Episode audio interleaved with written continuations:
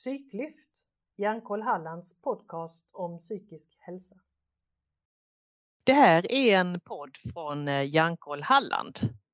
Och eh, i detta avsnittet ska vi få lära känna en av våra ambassadörer lite bättre. Idag ska jag prata med Mona. Hej Mona! Hej, hej! Hej! Berätta, vem är du? Ja, jag är eh, 65 år. Jag eh, är gift och har tre vuxna barn som har flyttat ut eh, sedan ganska lång tid tillbaka. Eh, jag är pensionär sedan ett år tillbaks och dessförinnan har jag arbetat som lärare. Jag har arbetat många år för Röda Korset. Eh, jobbat som anhörigkonsulent och ja. Det här gjorde jag innan jag blev sjuk. Mm. Innan du blev sjuk säger du? Ja. Är det, är det något som, eh, som du vill dela med dig av? Ja, jag fick, eh, jag fick en psykos. Mm. Eh, ja, och, därefter jag var bara några få dagar på sjukhus och sen kom jag hem och ja, strax därefter började jag arbeta igen på halvtid. Eh, men jag har alltid varit van vid att ja, vara duktig och sådär så att ganska snart var jag ju jobbade jag heltid igen. Och sen ja, blev jag sjuk en gång till. Och ja, sen eh, ja, tog det jobbet slut.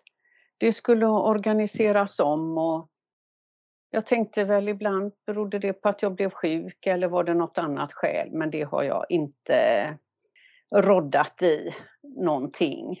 Ja, och sen, ja, sen rullade det på och jag hade något annat jobb och sådär.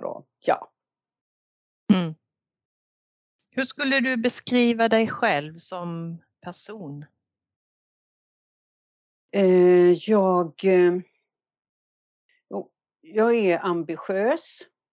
Jag är ja, plikttrogen, eh, lojal. Ehm. Ja, jag vill andra människor väl.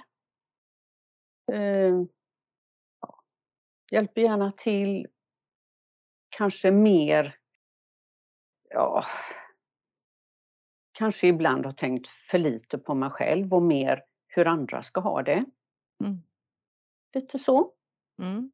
Och det kan ju vara lite, det kan ju fresta på i längden och det var väl det det gjorde. Mm. mm. Om man bokar in dig som ambassadör, vad kan man få höra då? Ja, då kan man ju få höra dels lite hur mitt liv såg ut före jag blev sjuk lite kort om när jag var sjuk och att det faktiskt går att bli frisk. Och det tycker jag är det allra viktigaste. För det tror man inte när man ligger där och mår jättedåligt. Mm. Man har ingen aning om hur man ska komma ur detta. Mm. Eller, eller man och man, men det hade inte jag i alla fall. Eh, och det har nog de flesta inte en aning om, för då skulle man inte ligga där så att säga. Mm. Eh, och det tycker jag är viktigt, förmedla att det finns hopp. Mm. Och då tänker jag så här att eh, jag är ju lite äldre och då tänker jag så här att det är aldrig för sent. Så man kan, ja men nu, ja jag är 60 år eller jag är 52 och ja, ja men det får väl vara så här. Det behöver inte vara så. Jag tror man kan vara hur gammal som helst mm. och man kan finna förändring. Mm. Och den kan vara stor och den kan vara liten. Det vill jag förmedla. Mm. Det finns hopp. Viktigt budskap. Mm. Får jag fråga, hur gammal var du när du fick din psykos? Det är sånt jag helst inte tänker på så mycket, men jag var väl ja, jag var ju drygt 50. Mm. Jag var nog ja, 51, 52 någonting. Mm. Vad skulle du säga att du, du har använt för verktyg för att bli frisk? Ja, dels Dels så, så fick jag en uppmaning av en person som jag litar på väldigt mycket och som jag respekterar oerhört mycket. Hon sa till mig, Mona, du väljer själv om du ska bli frisk. Och eh, det var ju både spännande och väldigt jobbigt att höra. För jag tänkte, klart jag vill bli frisk. Men hur gör man? Men jag försökte göra olika saker. Jag vet någon gång så skulle jag måla om en liten hylla på 35 centimeter i kvadrat med fyra små korglådor i. Ja, det var det tyngsta jobb jag någonsin har gjort i hela mitt liv. Mm. Men jag, alltså jag tvingade mig till att göra den här förbaskade hyllan klar. Mm. Eh, och sen försökte jag göra saker som, som jag trodde jag skulle må väl av. Mm. Jag gjorde frigörande dans som jag först började med på lokal så att säga. Men det passade mig inte riktigt så jag tänkte jag kan väl dansa själv hemma. Mm. Och det gjorde jag. Mm. Och det var ju jättebra. För mig. Eh, sen gjorde jag yoga. Eh, jo, och sen så hade jag ju läst om hur bra det var att gå i kör. Mm. Körsång. Men jag har aldrig sjungit i en kör, inte ens en barnkör. Eh, och jag letade och jag letade. Men så hittade jag till slut en gospelkurs. Mm. Kurs tänkte jag. Kurs går man ju inte om det är något man redan kan. Kurs går man för man ska lära sig någonting. Så jag kände det blir nog bra. Och det var en stor kör, sådär 150 personer. Så jag kände där kan man ju stå som en liten mus och sjunga Ja. så gott man kan. Eh, ja, det höll jag på med, jag tror det var tre terminer. Mm. Så att jag, ja, jag försökte göra grejer och, och sen, jag sa inte nej till vänner och så. Så många visste nog egentligen inte hur dåligt jag mådde. Mm. För vi gjorde saker, jag och min man. Och dessemellan låg jag i sängen. Mm. Men det var ingen som visste. Ja, sen började jag spela bridge. För vi hade flyttat och jag kände jag måste ju ha en aktivitet på nära håll. Jag kan inte hålla på och åka till Göteborg varje gång jag ska hitta på något. Då anmälde jag mig till det.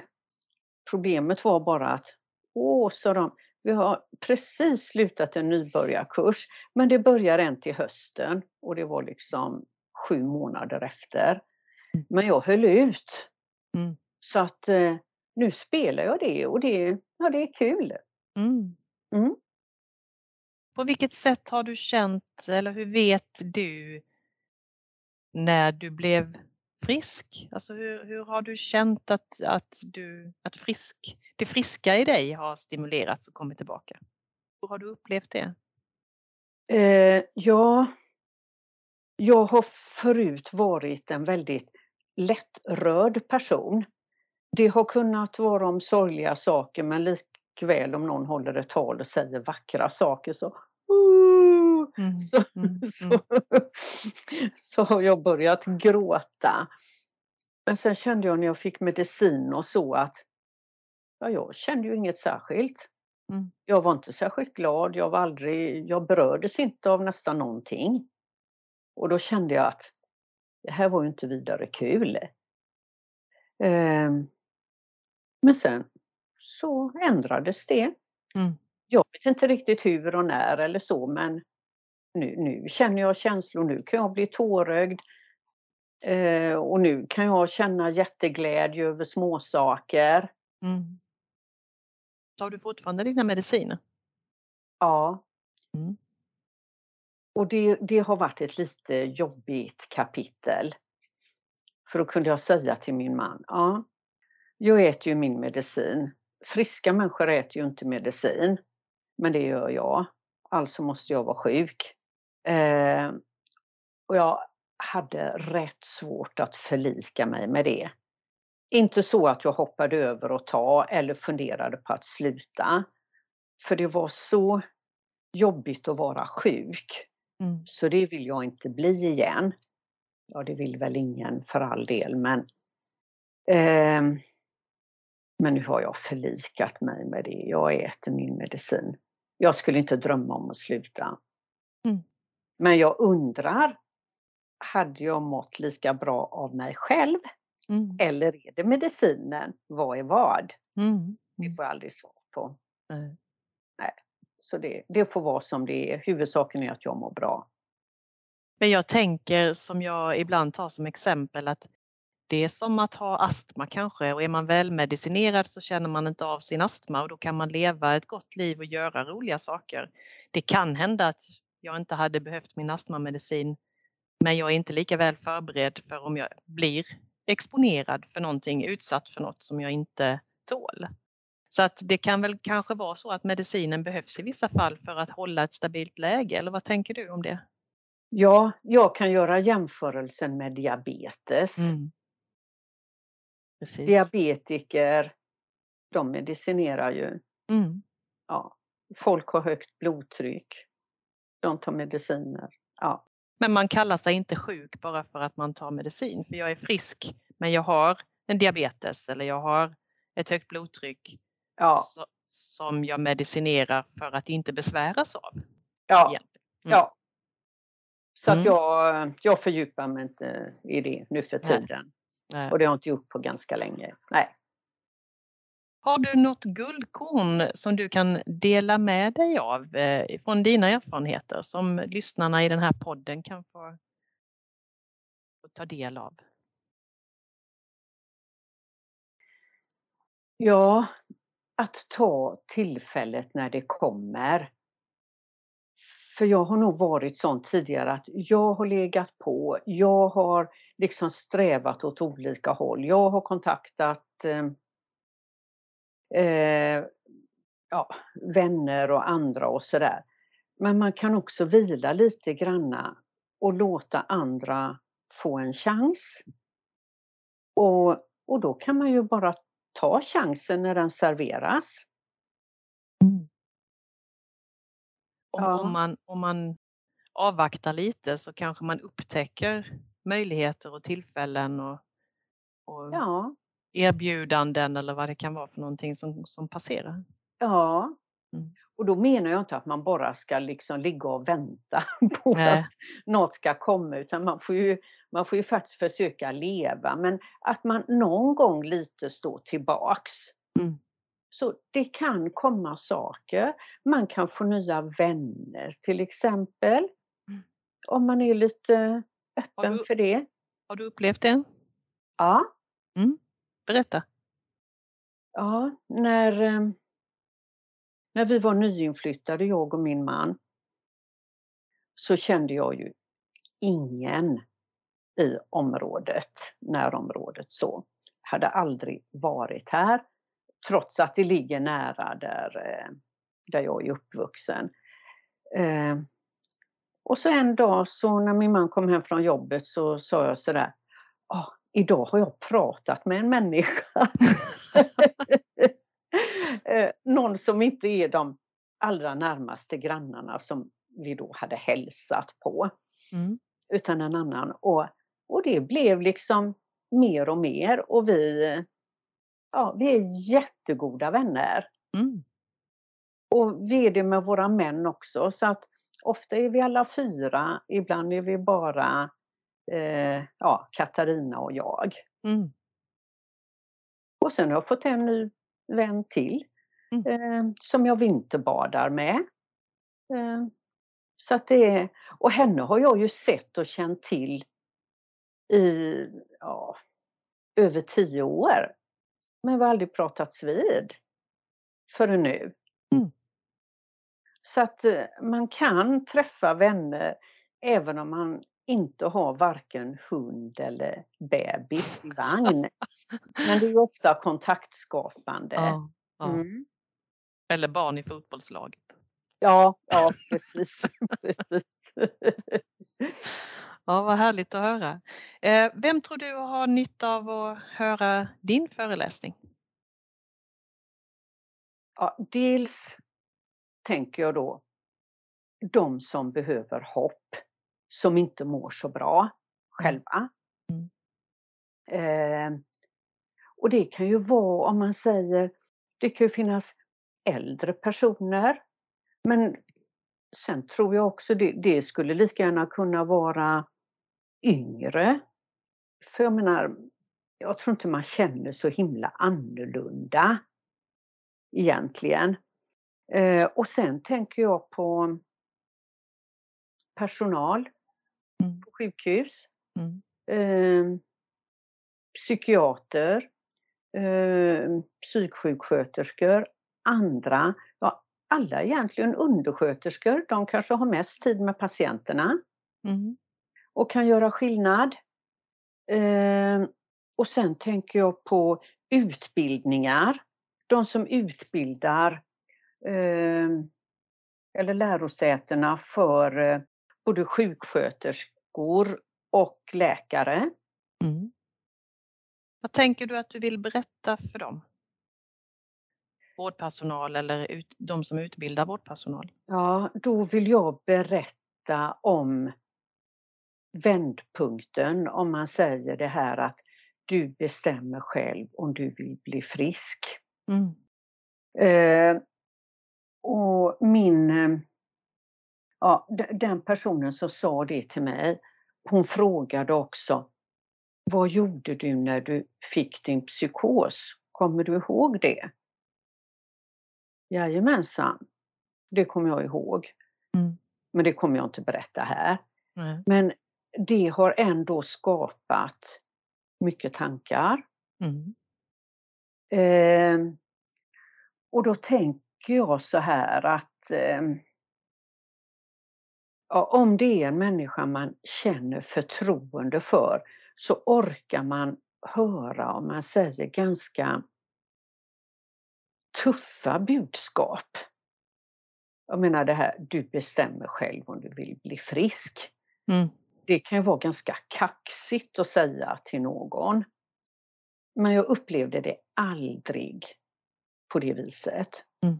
Och jag tänker, ingen inom vården har varit i närheten av att säga sådana saker. Okej, nu känner ju kanske ofta inte läkare och så patienterna så väl.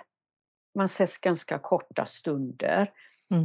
Men jag tror att vara medveten om att sånt här kan bli en vändning. Mm. Självklart inte för alla människor. Så, är, så enkelt är det inte. Men om det kan bli för någon så tänker jag att det är ganska fantastiskt. Mm. Och där kan man ju också, tänker jag, känna olika inför olika patienter. En del når de självklart knappt fram till och andra kanske de connectar med ganska lätt och känner att honom eller henne skulle jag kunna fråga det eller det. Mm. Sen behöver man inte svara om man inte vill. Men man kan få då någonting som börjar snurra i huvudet som man kan tänka på och som Mm. kan föra en framåt. Mm. Och du sa till, till både unga och äldre så skulle du vilja prata om hopp. Ja, egentligen, ja. Vad, vad, vad tänker du med det? Man kan bli frisk. Jag Mm. menar även om man som jag är en eh, gråhårig tant så finns det hopp. Det är aldrig för sent. Mm. Aldrig någonsin. Och bara det. Och då Mm. tänker jag så här, Om de skulle se mig i mitt vita hår och tänka, men oj, kunde hon bli frisk? Ja, men då ska väl jag kunna. Mm. Jag är ju 15 år yngre eller jag är, ja, Mm. eller Mm. si så. Ja.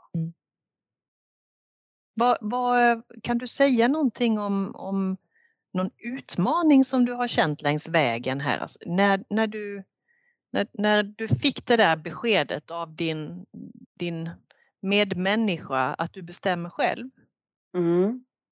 och, och tänkte att okej då, det, jag, jag vill inte vara sjuk längre, då ska jag väl försöka göra någonting åt det. Vad har du stött på för utmaningar längs vägen när du bestämde dig för att jag ska försöka?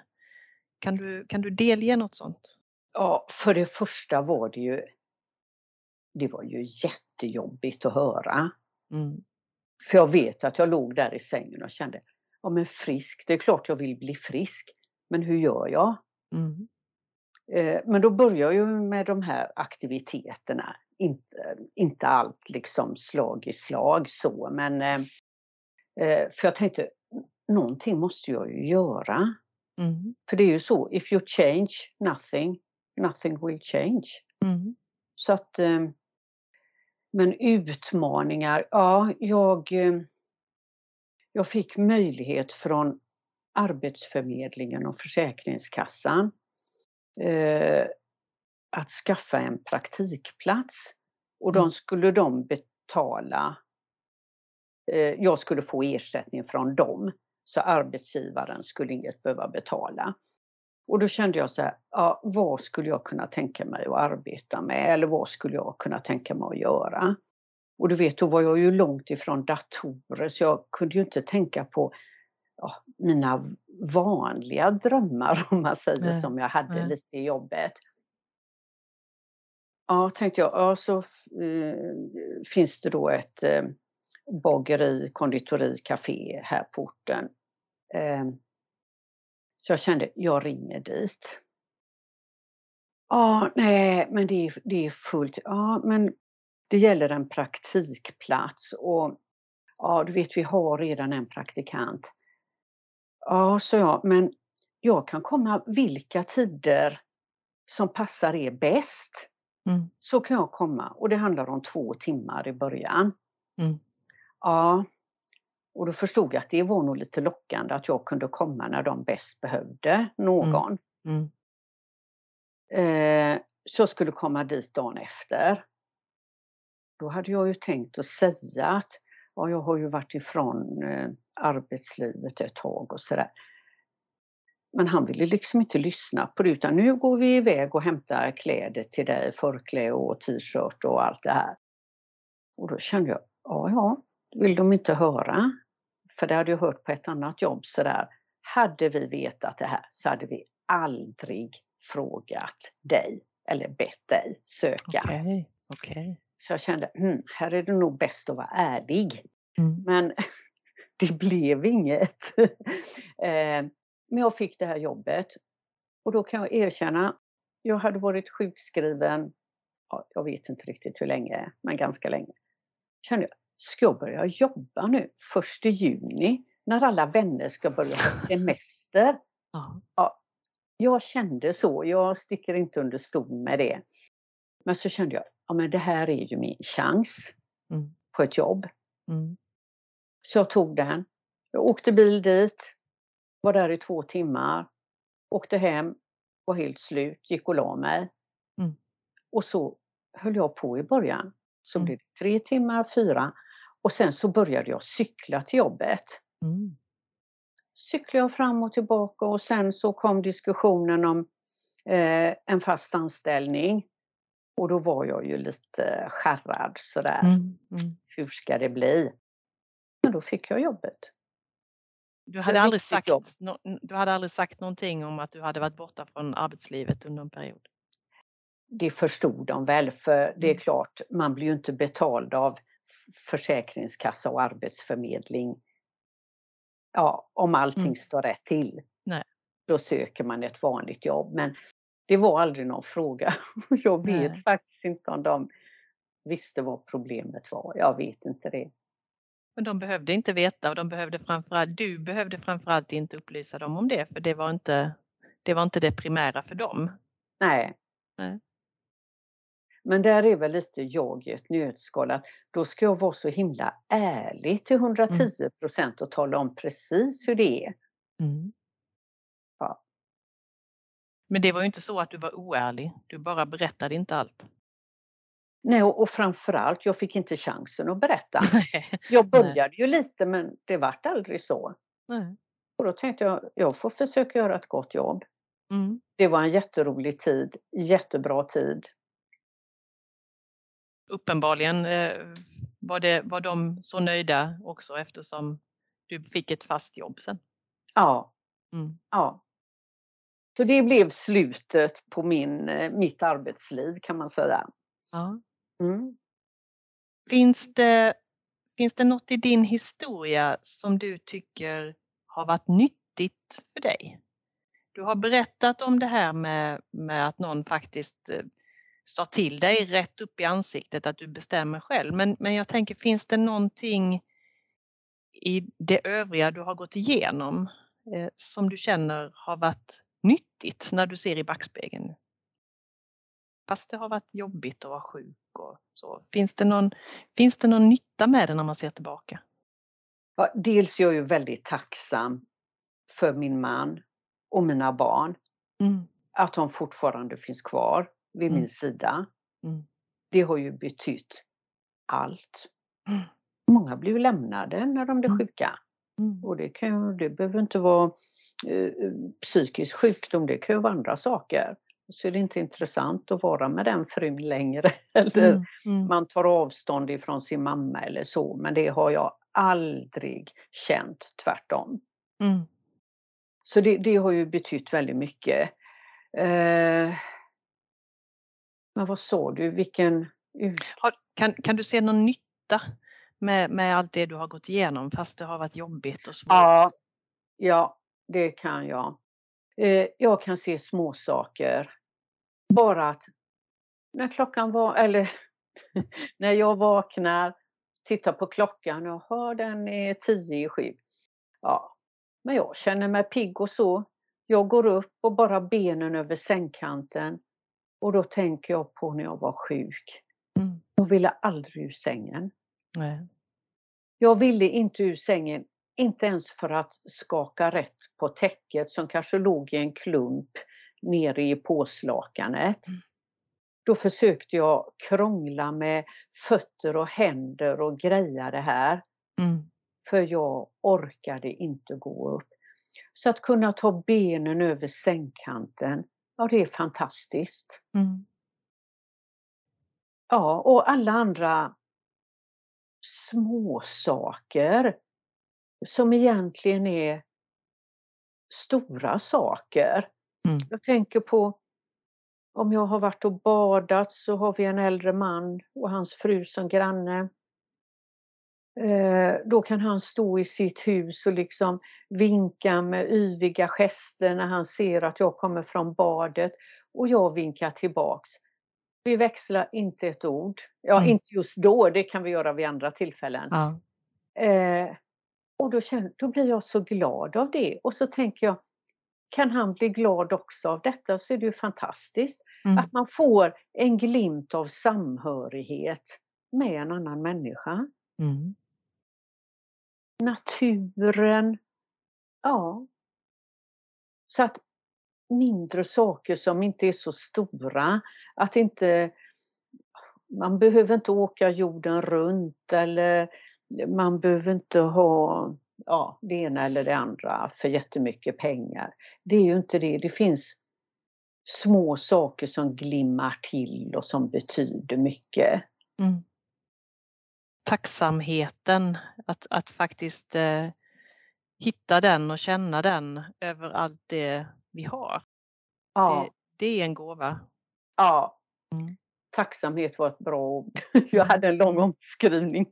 Nej, men jag, jag är så glad att du gav exempel för jag tror att många känner igen sig i precis de sakerna. Men man kanske glömmer bort att att uppskatta dem i, i det lilla i vardagen. Ehm, så det är så mycket annat som, som händer och då, då faller sånt här lite in emellan alla andra händelser och, och man glömmer bort det och ser lätt bara elände. Hur jobbigt ja. allting är hur måste, mycket man måste skynda sig och hur, hur besvärligt saker kan vara i vardagen men man missar den där att grannen står och vinkar och vinkar jag tillbaka så blir han så glad. Ja. Till exempel. Ja. Härliga exempel tycker jag och jag känner att det här var ett, eh, ett fint avslut på detta samtalet och säkert ger det många inspiration till att vilja höra mer om dina erfarenheter och din historia. Och vill man det så kan man gå in på Hjärnkolls hemsida och läsa mer om Mona som är ambassadör. Och jag som har pratat med Mona heter Karina Torstensson och jag är också ambassadör och vill ni läsa mer om mig så finns den informationen också på Hjärnkolls hemsida tillsammans med alla våra andra härliga ambassadörskollegor. Så då säger jag tack och hej till Mona. Hej då, tack. Och tack för att ni har lyssnat på dagens avsnitt. Fortsättning följer. Missa inte nästa avsnitt.